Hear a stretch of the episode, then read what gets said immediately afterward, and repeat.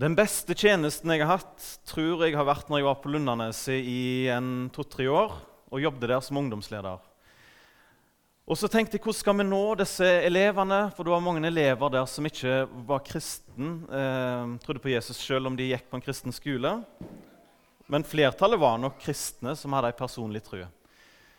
Så fikk jeg de kristne elevene rundt omkring på internat og spurte vil ikke dere starte ei sånn bønnegruppe på kvelden. Og så var det mange som gjorde det.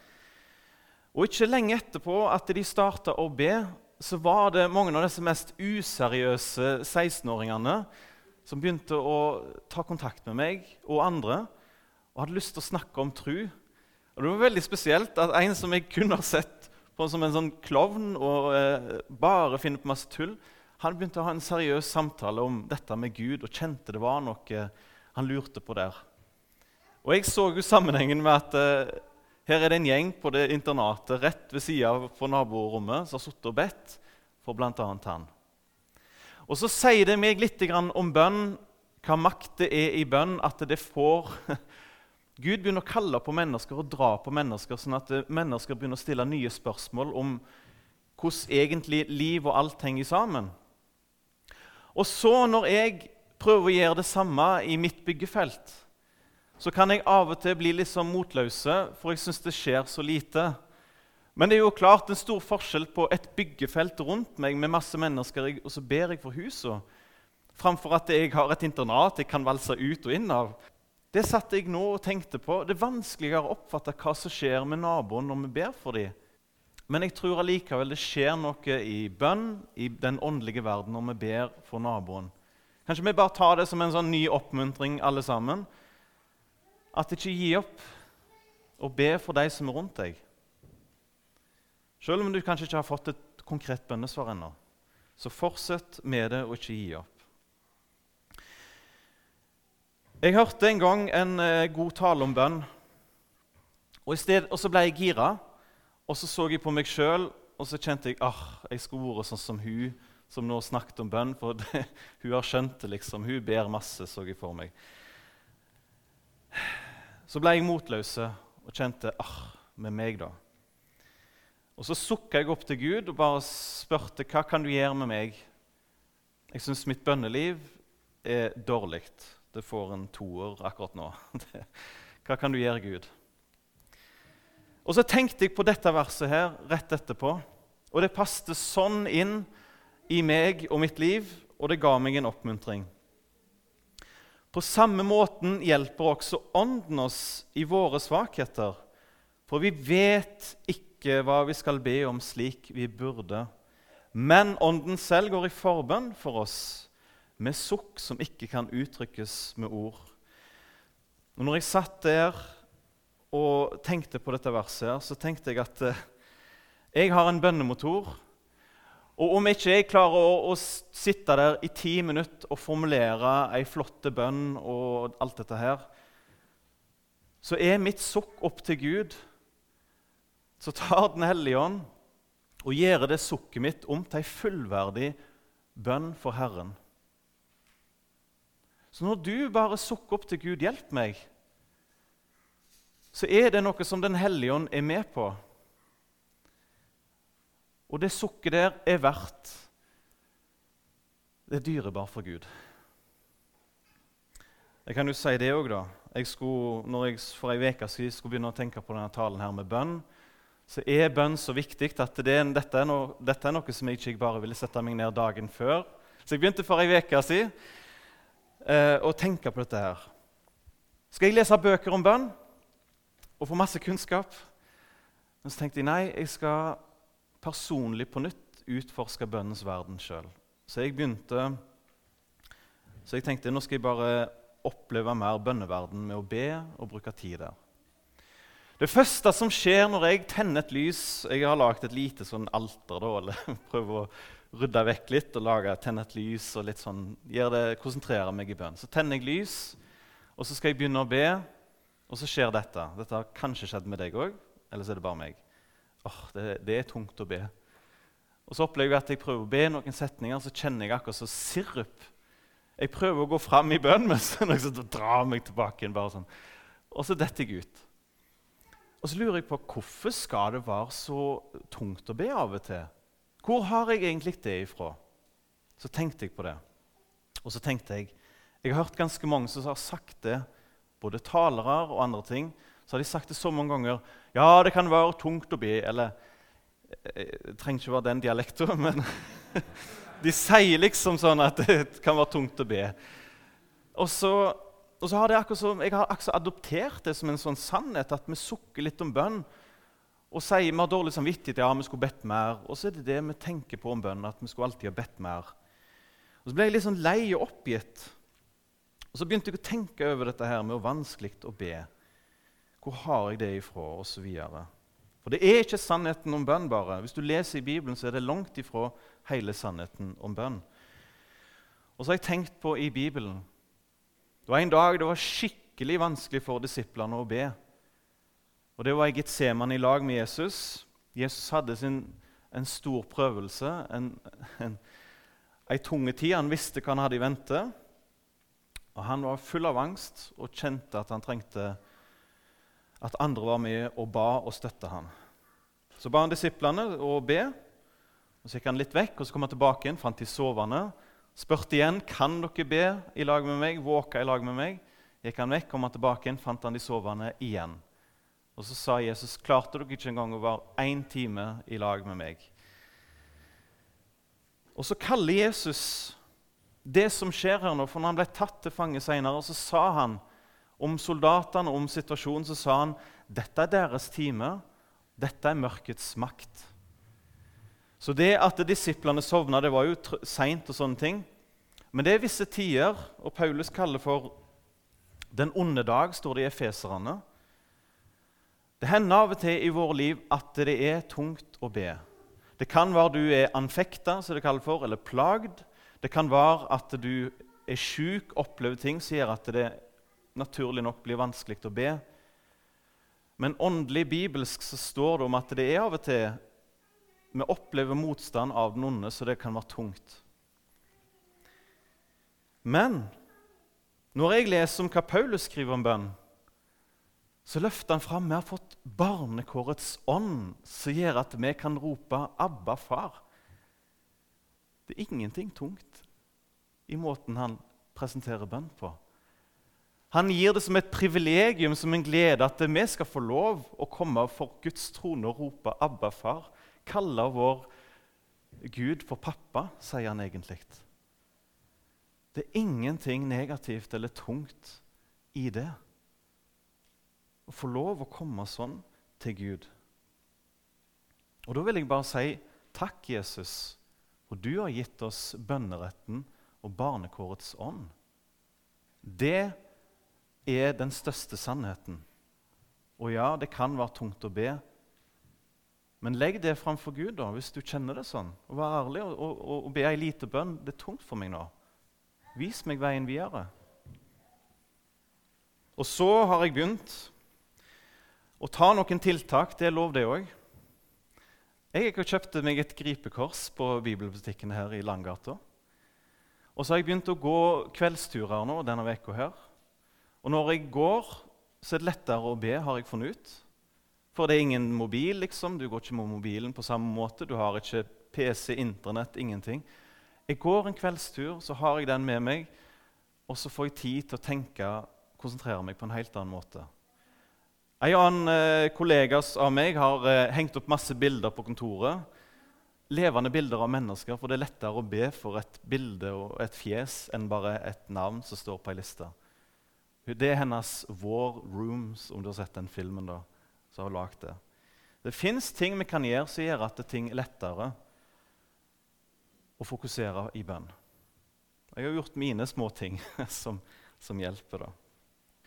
Og så tror jeg at når du bare ber, du må vekk ifra den tanken også, at vi skal be ei lang og from bønn som skal vare. For vi har av og til hørt den der 'Klarer du ikke å be i ti minutter en gang med Gud?' Det har vi av og til hørt. Og så får vi dårlig samvittighet, for det er tungt å bare ha sammenhengende av og til.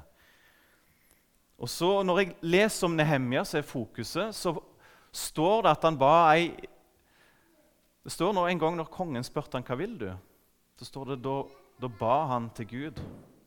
Inni seg så må han bedt ei bønn som varte i ett sekund. Og den bønnen var fullverdig og god for Herren. Jesus han sa òg at vi skal ikke bruke mange ord som hedningene.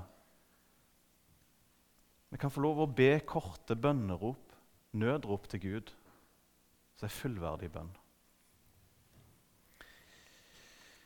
Jeg skal gå til Nehemia, som er overskriften i dag med Nehemia-bønn. Hva var det med han som gjorde at han hadde et rikt bønneliv? og hva var at han, for Det ser iallfall sånn når du leser Nehemia, at han stolte på Gud i bønn. Og Hva var det med han at han hadde en sånn brann at han gikk fremst i et tog tilbake til Jerusalem og tok ansvar for å bygge opp murene? Nummer én har jeg allerede avslørt her nå. Nehemja tok inn over seg de dårlige nyhetene. Vi mottar enormt med informasjon hver dag på TV og sånne ting, og jeg tar meg i av og til. Husker dere når den bomba gikk av i eh, Libanon? var det, ja. Og så ser jeg det, ødeleggelsene. Og det er jo flere tusen som mister heimen sin. Men pga. at jeg har sett så mange nyheter og ser hva som skjer i verden, så merker jeg at jeg blir altså immun. Jeg, jeg bryr meg liksom ikke nok, selv om mennesker har mista hus og heim og dødd. Jeg får så mye informasjon at jeg drukner og blir liksom litt sånn følelsesmessig stump. Hadde Nehemja, hvis han var fulgt opp av TV og Internett og sånt, Tenk hvis han ikke hadde reagert sånn på Jerusalems murer. da.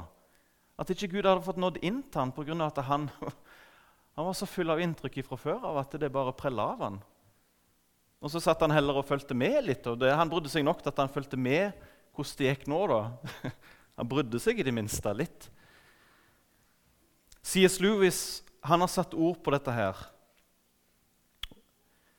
Han har snakket litt om verdens støy som gjør at vi kan ødelegge og kjenne på det ansvaret at jeg skal gå inn her. Disse ordene her er, er tøffe, spesielt mot oss i Vesten. Men de treffer meg, og det er noe sant i dem.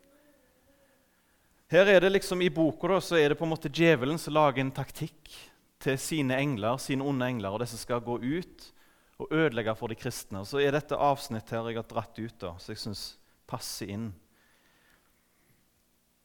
Djevelen skriver.: Overstimuler deres sinn, så de ikke kan høre den svake, hviskede stemmen. Forled dem til å alltid spille radio, kassettspiller når de kjører bil, og holde TV-en, videoen, CD-en konstant gående i hjemmene deres. Dette er jo litt gammelt skrevet, da, men dette vil forstyrre sinnene deres og bryte fellesskapet med Kristus. Jeg kan faktisk ha frimodighet til å si dette, her, for jeg har i flere år prøvd å leve et liv helt uten TV, Internett, smarttelefon. Jeg hadde kun en mobiltelefon. Og Måten jeg kunne sjekke om det var tredje verdenskrig på eller ikke, det var når jeg gikk og handla mat så så jeg på avisoverskriftene så så jeg, ja, det går helt fint. Det er ingenting å bry seg med. og så gikk jeg hjem og levde videre. Men folk kunne le av meg, for jeg var den siste som fikk vite om alt. Var det en gigasvær katastrofe? Sånn, jeg var den siste som fikk vite om det. Men jeg skal si dere en ting. Den tida i livet mitt var når jeg bodde i Haugesund for tolv år siden. Det har ikke vært ei tid i livet der jeg har opplevd på en måte en sånn stillhet og ro, og at jeg faktisk Det skjedde noe i mitt liv, for å si det sånn. da. Og jeg savner det. når jeg holder, Nå har jeg jo fått meg smarttelefon. Jeg fikk smarttelefon for to år siden. Og det var pga. at jeg satt på julebord med NLM, og så var det ei dame på over 60 år som satt med Kahoot og lurte på hva er den der koden nå igjen. Og så sitter jeg med en sånn gammel telefon og bare sånn Nei! Og jeg satt med kona og sa du vet hva jeg skal få til jul i år. så det var, det var dråpen, liksom. Og, uh, jeg er jo den eneste med den gamle telefonen. Når jeg var i Heimevernet og gikk rundt med den telefonen der, så var de sånn 'Å, oh, har du fått sånn kryptisk telefon, du?' og bare Ja Så til slutt Men jeg savner det som står i dette verset. Jeg savner dette. Og dette er noe vi i Vesten nesten har glemt. Vi har glemt at det er godt å være stille og vente på hjelp ifra Herren. Det er godt å logge av, ikke bare én kveld, men logge av som en livsstil. på en måte. At ja, du kan følge med på ting, men ikke til enhver tid. Det trenger du ikke. Jeg lurer på om jeg må av og til tilbake inn til litt av den tida i Haugesund. Og viske vekk litt av den støyet som jeg egentlig ikke trenger. Gud vil ha hele ditt liv, din fulle oppmerksomhet.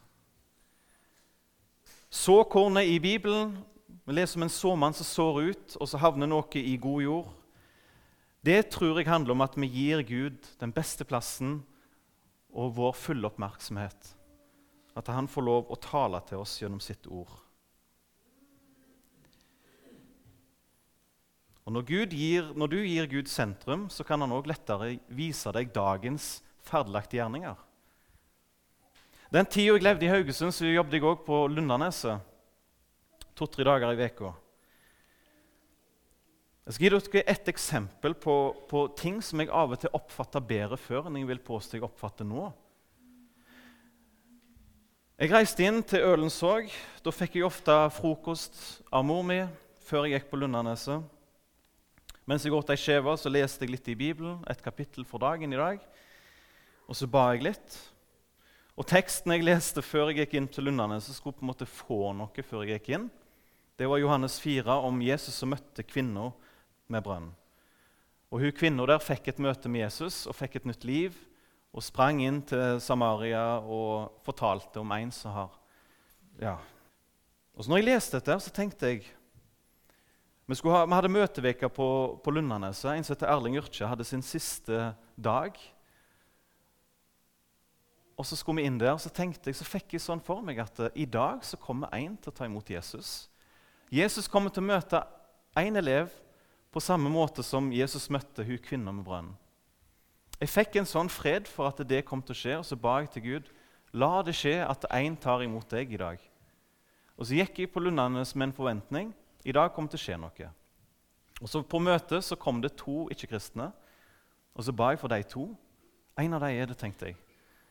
Og når møtet var ferdig, så kom han ene til meg, bak, og så tar han meg bare sånn. 'Jeg må snakke med deg.' og så tenkte jeg bare 'Yes, så langt så følger dette planen'. Og Så går vi seinere opp og snakker på et rom, og så sier han 'Jeg må bare ta imot Jesus, jeg. Jeg klarer ikke å holde imot lenger.' Og Så fortalte jeg dette til han at du visste at du skulle komme inn i dag. Fortalte historien om Johannes 4 og sånne ting. Ja, det var litt løye, det der. det var svaret til det. Og så fikk vi bedt i lag. Dette var kun en ferdelagt gjerning. Det, og jeg tror I Bibelen så står det at det går an å bli minnet om ting, det går an å få fred for ting. Paulus han snakket om han fikk uro for ditt og uro for datt, og han ble stoppa sånn. Jeg tror at det går an å bli leder i hverdagen og få og få oppleve at Gud vil noe med deg i dag. Og kanskje kan få lede deg på sitt vis. Det er ingen lik historie, men Gud kan bruke oss på forskjellige måter. Andre ting som påvirker Nehemja eh, Hvis vi leser litt i kapittel 1, så står det at han kjente til Guds trofasthet og kjærlighet. Det står, Når han ba til Gud, så står det at det er han som holder pakten og viser miskunnhet. Og så et vers om det. For Kristi kjærlighet tvinger oss. Han refererte til Moses og løftene i bønna si. Han kjente Guds ord, og for oss òg. Guds ord er det som er virksomt i dere som tror. Emmausvandrerne fikk en bibelundervisning rett ifra Jesus, og så begynte det å brenne hjertene. Det begynte å skje noe med dem, og de fikk farten opp. Og sånn er det Når Guds ord får tak i deg òg, så begynner det faktisk å skje noe med deg. Det bærer frukt. Det bærer med seg en brann. Og du tar nye valg enn det du normalt sett har gjort. Jeg satt på Fjelltun bibelskole for mange år siden. Og vanlig bibelundervisning mens jeg satt og hørte på helt vanlig Kall det for Noen syntes det var kjedelig. Jeg satt og hørte på den kjedelige bibelundervisningen. Mens jeg gjorde det, så begynte det å dukke opp en brann. Begynte å kjenne på at jeg har lyst til å sende en SMS til den ikke-kristne, til den ikke-kristne. Jeg har lyst til å komme hjem nå til min bygd. Og få, jeg har bare vært en rølp. Nå vil jeg tilbake igjen og dele noe nytt jeg har sett. Og så til slutt han ba og bekjente sine egne synder og bekjente til og med andre sine synder. Vi kommer ingen vei uten at vi lever i et omvendelse og i oppgjort forhold med Gud. Så hvis ikke vi lever i lyset, så blir tjeneste og, og bønneliv det blir, Da begynner vi i feil ende. Men dette er alfa og omega for vårt liv i lag med Jesus. Og så til slutt om Nehemja, det er et punkt til som jeg har lyst til å dele, som ikke står i teksten. Men det må du liksom lete deg litt fram til å lese i Bibelen om andre ting. Eller eh, forstå sammenhengen. Nehemja hadde han den brannen helt på egen hånd? Var det bare sånn at han var en sånn pliktoppfyllende fyr som leste i Gamle testamentet og, og sånt på egen hånd? Eller har han òg blitt påvirka av andre brødre og søstre i trua? Esekiel var en profet som ble bortført fra eh, Judea og inn til Babylon. Og virka som profet i Babylon i 22 år. Og Han fikk se en hel del ting og fikk dele en hel del ting som står i Bibelen, som nok har blitt spredt utover til de andre Guds, gudfryktige. Annet Nehemja er jeg sikker på. Nehemja har fått med seg Esekiel sin tjeneste. Han kjente til Skriften, han kjente til profetene og profetien.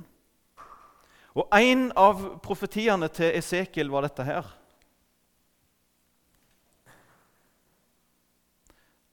Jeg skal lese det som Esekiel fikk se av Gud. Herrens hånd kom over meg, og i ånden førte han meg ut og satte meg i, ned i en dal som var full av bein.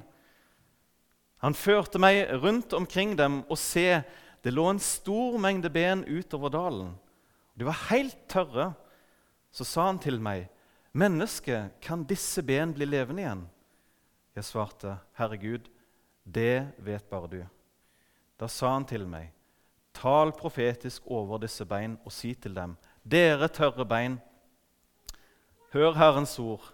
Så sier Herren Gud til disse bein, 'Se, jeg lar det komme livsånd i dere, så dere blir levende.' Og så fortsetter historien. Dette er veldig sterkt. Dette viser hva Gud som regel hamler opp med. Døde, tørre bein.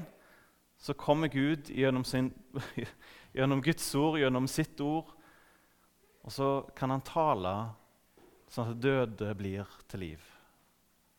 Det er veldig mektig. Dette tror jeg er en profeti, og dette er jeg nødt til å ha studert, lest litt om òg.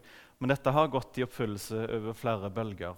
Og Den største første bølgen som denne ble oppfylt i, det er det mange som mener er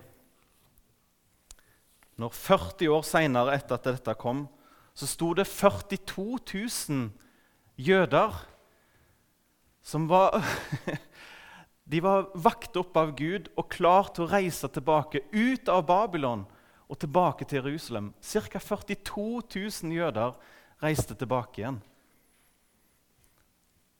Folk som kanskje var nedkjørt, utslitt, hadde ikke håp. Og så er det en gjeng med jøder som reiste tilbake igjen.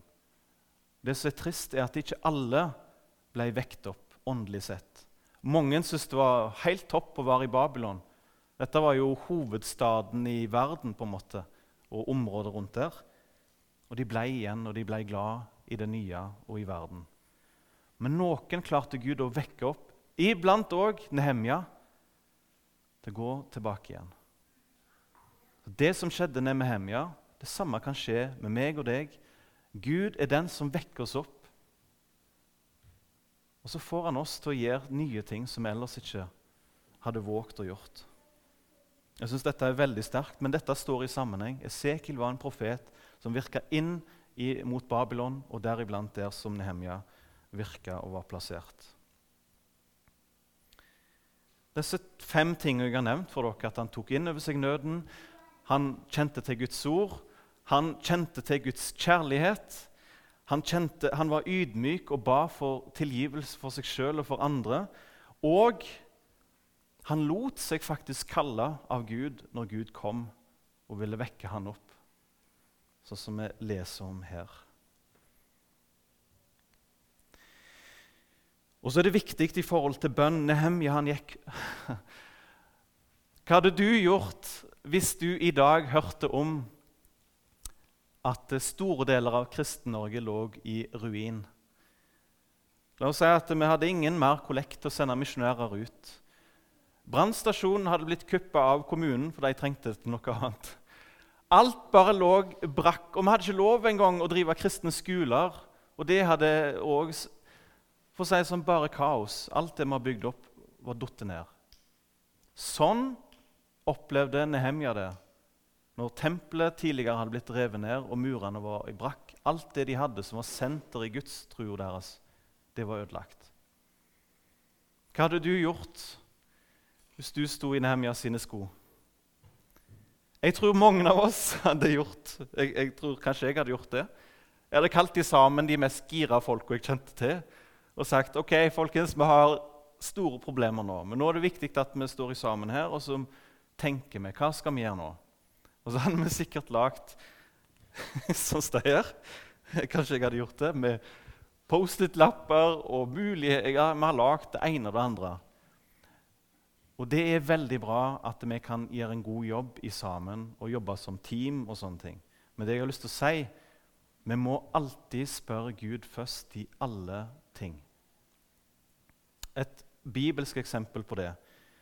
Josva og israelittene, når de skal innta Kanans land, så fikk de beskjed om at det nå det var på en måte tida var inne for de folka som bodde der. De var ugudelige. Og Det står at syndenes mål var nådd, sånn at de folkeslagene der fikk på en måte en dom over seg. Nå er det nok. Deres synder er, det, er fulltallig nå. Så Gud ville utrydde alle folkeslag i Israel, og så skulle Israel få det. Det var egentlig dommen. Normalt sett så kommer kanskje dommen den endelige dommen kommer foran himmelen, men de skulle få dommen òg her. Så kom israelittene, og ingen, men ingen folkeslag skulle bli spart. Og så opplever de at det kommer noen og har tatt på seg fillete klær. Og så har de med seg til og med brød som er blitt tørt. For dette folkeslaget, her, gibionittene, de var midt i Kanans land. Og så forsto de at Israel har jo roadkill på. De kjører jo rett over fiendene sine. De forstår at det her har vi ingenting om å stå imot dem når Gud er med dem. Så de fant ut en plan. Vi later som vi kommer fra land langt borte. Så kommer vi til deg og sier 'Hei, kan vi få fred?' Og så hadde de tatt på seg fillete klær og gammelt brød som var tørt, og dårlig vann og sånne ting. Sånn at eh, Josfa og co. de begynte å smake på brødet. Ja, 'Dette var tørt. Dette var gammelt.' ja, Og så på klærne. ja, 'Dere har reist langt, ser vi.' Og så skrev de på en måte en avtale at vi skal ha fred. Det er greit, det. Og så viste det seg rett etterpå at de hadde blitt lurt. Sånn at Josva og kompani de måtte leve med gibunittene for alltid. Så når de først var der, så gjorde de det til vannbærere og vedhoggere. Så de tenkte når de først skal vares, for de har nytte av seg. Men så står det en plass i Bibelen eh, De rådspurte ikke Herren, står det. De spurte ikke Gud om råd i det hele tatt. De bare tok det i egne hender og gjorde dette her ifra ende til annen. Lagde en plan sjøl og tok saken i egne hender. Når jeg prøver å ha komiteer og forskjellige ting, jeg prøver å huske på å si nå begynner vi først med bønn. Men altfor mange ganger har jeg sittet Ja, nå får vi be. Gud, du ser det vi har planlagt. Eh, vil du velsigne det? Dessverre så er det i feil ende eh, vi begynner da. Så er spørsmålet hvor lang tid skal et bønnesvar ta? Eh, Nehemja måtte vente fire måneder cirka, før han fikk bønnesvar, før kongen kom og sa 'Hva er det med deg, Nehemja? Du er så trist.' Og så begynte Nehemja å fortelle hva han trengte. Eller han ba, står det, og så fortalte han hva han trengte. Så ble han velsigna, fikk alt han trengte av kongen til å reise. Eh, det tok fire måneder fra han begynte å be. Hvor lang tid tror du et bønnesvar skal ta?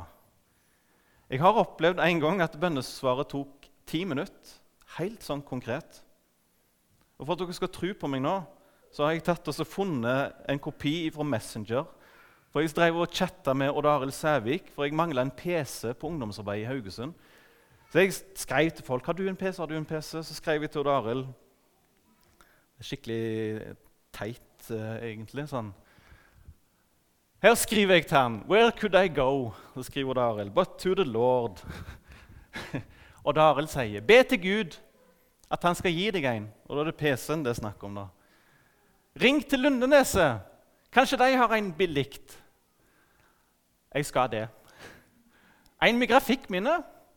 Snakk med Andreas Våge. Eh, hvor er han ifra? Vet ikke. Men han jobber på Lundeneset. Snakket med han når jeg var der litt. Riktig. Spørs om han kan se noe om det da. Det, det, skjønner jeg ikke helt hva han mener med det. Må nok spørre øvrigheten helst. Det vet jeg heller ikke. Sikkert rektor, da. Nå ringte det en kompis til meg.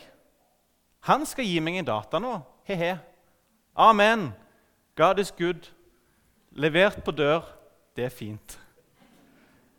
Dette skjedde faktisk. Når jeg sukker opp ei korte bønn, kan jeg få en PC. Det er ikke engang jeg skal ha den, det er ditt rike.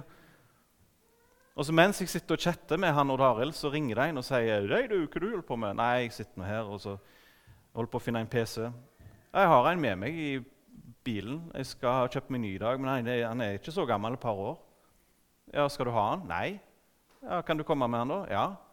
Så kom Jeg syns det er fantastisk. Et lite bønnerop, et nødrop. Det skal vi ikke forakte. Jeg, jeg ga to sekunder i den. Gud, vi trenger en PC.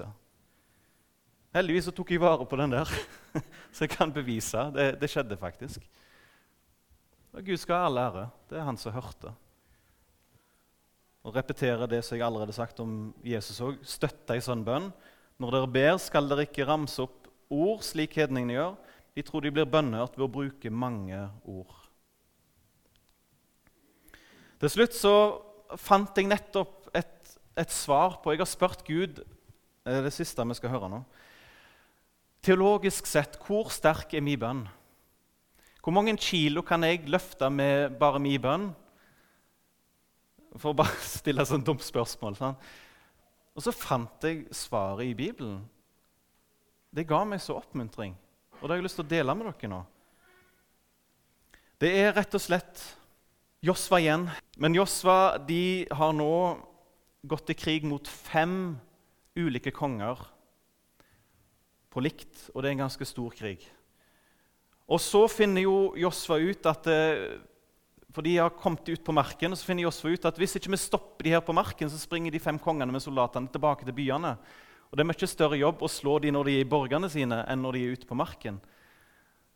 Så Josfa ønsker det. Han ber ei bønn til Gud om at de, skal ikke, de, skal vinne over dem i dag.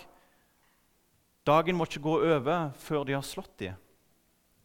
Så skjer dette. Når Gud stopper måne og sol for en periode.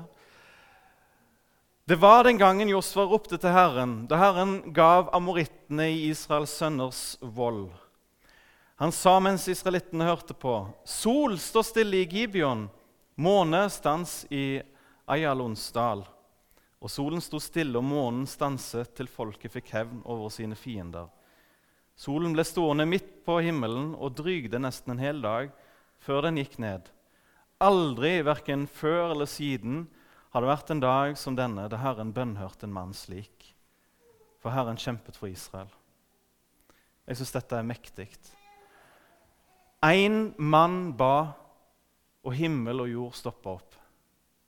Og så kan du tenke at dette var litt voldsomt. Det går jo ikke an. Nei, men Jesus kan heller ikke stå opp ifra de døde. Det går heller ikke an. Men Gud er underets Gud. Og hvis du skal tro på at Jesus sto opp ifra de døde, så er det akkurat det samme å tro på at Gud kunne stoppe dagen litt. Dette er klinkekuler for Gud å gjøre. Og så tenker jeg, Når jeg går rundt omkring og ber for naboen min og ber om at vi trenger flere ledere til søndagsskolen, så skal jeg tenke på at når, når Gud hørte Jossas bønn sånn at sola sto stille, så kan han høre de bønnene òg, sånn at ting skjer. Potensialet i de bønn er like stor som den som hører på, og det er Gud, og det er uendelig. For Det er Gud det kommer an på, det er Han som skal høre og utføre med redskaper i hans hånd. Eh, så vil jeg bare spørre deg, hva ligger på ditt hjerte? Hva er det du ikke kan la være å gjøre noe med? Og hvis du ikke kjenner på en sånn klarhet i forhold til hva Gud vil bruke deg til, så er din jobb som kristen å bruke tid i lønnkammer til du blir trygg på hvor hen vil Gud ha meg. Dette er kjempeseriøst. Finn din nådegave, finn din tjeneste, finn ut hvor vil Gud ha deg. Og så vil du få kraft og alt du trenger hvis du går på den stien der som han har kalt deg til. Kanskje noen skal bytte på det, for du kjenner at er, du, du stanger i veggen i der du er nå. Det kan være du må endre på ting og tang. Men bruk tid i lønnkammer. Hva ligger på ditt hjerte? Hva du ikke kan la være å gjøre noe med, sånn som det hjemme gjorde. Skal vi be. Jesus, vi legger misjonssalen og alle som er her, i dine hender. Du er høstens herre, du er høvding over Herrens hær. Du er den som styrer alt og har full kontroll og sitter på tronen. Og til deg skal vi få lov å snakke, be, påkalle og takke og lovprise. La oss alltid huske det når vi kjenner på motløshet eller kjenner på at arbeidet er stort her nede. At vi har deg, og du går foran. Du går ikke bak oss eller på sida, men det er du som går i front. Og er høvdingen vår. Du er hyrden vår. Hjelp oss å sende opp sånne små nødrop til deg daglig. La oss få gå i ferdelagte gjerninger og få se bønnesvar rundt oss i det daglige. For ditt navns skyld, du skal ha all ære, Jesus. Amen.